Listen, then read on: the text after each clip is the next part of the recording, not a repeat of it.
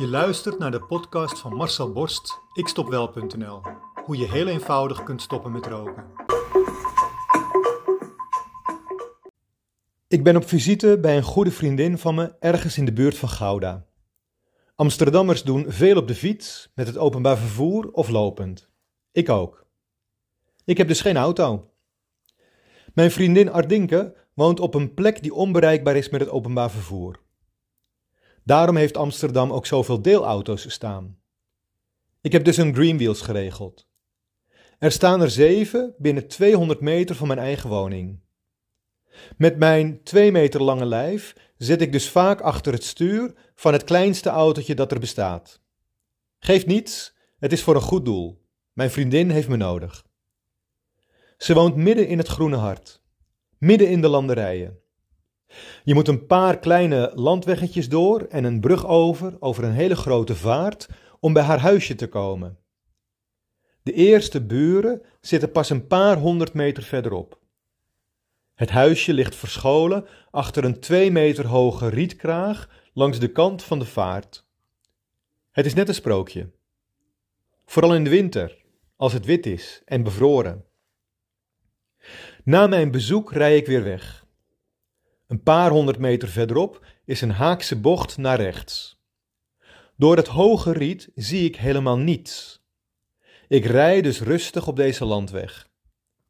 Halverwege de bocht doemt echter opeens een groep middelbare scholieren op, die met z'n vijven naast elkaar fietsen over de breedte van de hele weg. In een tiende van een seconde moet ik reageren en trap volop op de rem. Maar dan is het al te laat. De dame die helemaal links fietst, botst frontaal op mijn mini-autootje. De klap is onbeschrijfelijk. Ik zie hoe ze van haar fiets wordt gelanceerd, zo over de motorkap, over mijn voorruit, over het dak van de auto en in mijn spiegel zie ik haar achter de auto met een harde klap op de grond vallen. Terwijl mijn auto nog even haar hele fiets de vernieling inrijdt. Ik hoef me niet te bedenken wat ik moet doen. In een tiende van een seconde sta ik buiten de auto. Check direct of ze nog leeft. Geef aan dat ze stil moet blijven liggen. Bel 112. Vraag aan haar vrienden waar ik precies ben en laat een ambulance komen. Inmiddels heb ik een jas over haar heen gelegd en vraag ik haar voorzichtig om haar tenen te bewegen. Haar voeten, haar knieën. Ze zegt dat alles oké is, maar ik hou van zekerheid. Blijf nog even rustig liggen, zeg ik. Want als er wel iets is gebroken, dan ben je verder van huis. We wachten samen met haar vrienden de ambulance af. Ze protesteert. Het gaat echt wel hoor, echt waar, ik kan gewoon opstaan. Toch blijf ik erbij dat ze rustig moet blijven liggen. Binnen een paar minuten is de politie gearriveerd en de ambulance.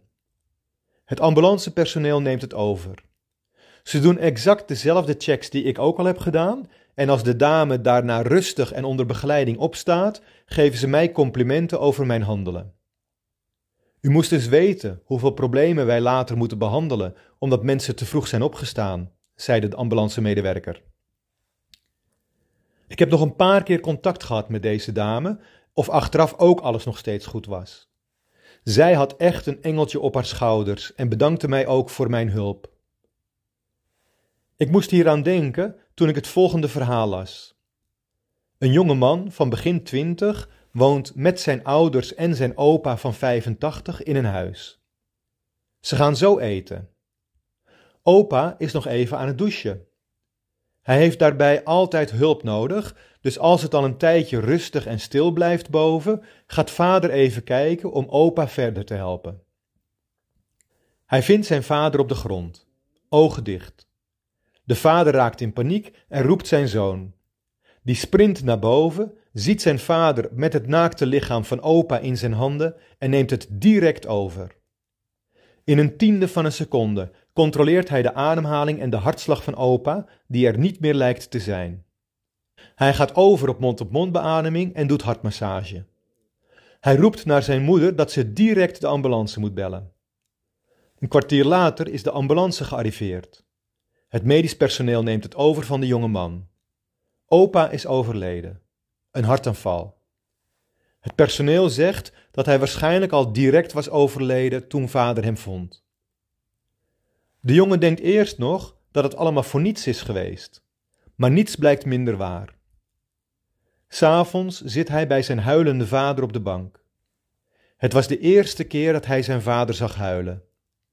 Zijn vader zei tegen hem: Ik ben zo trots op jou en ik ben je zo dankbaar.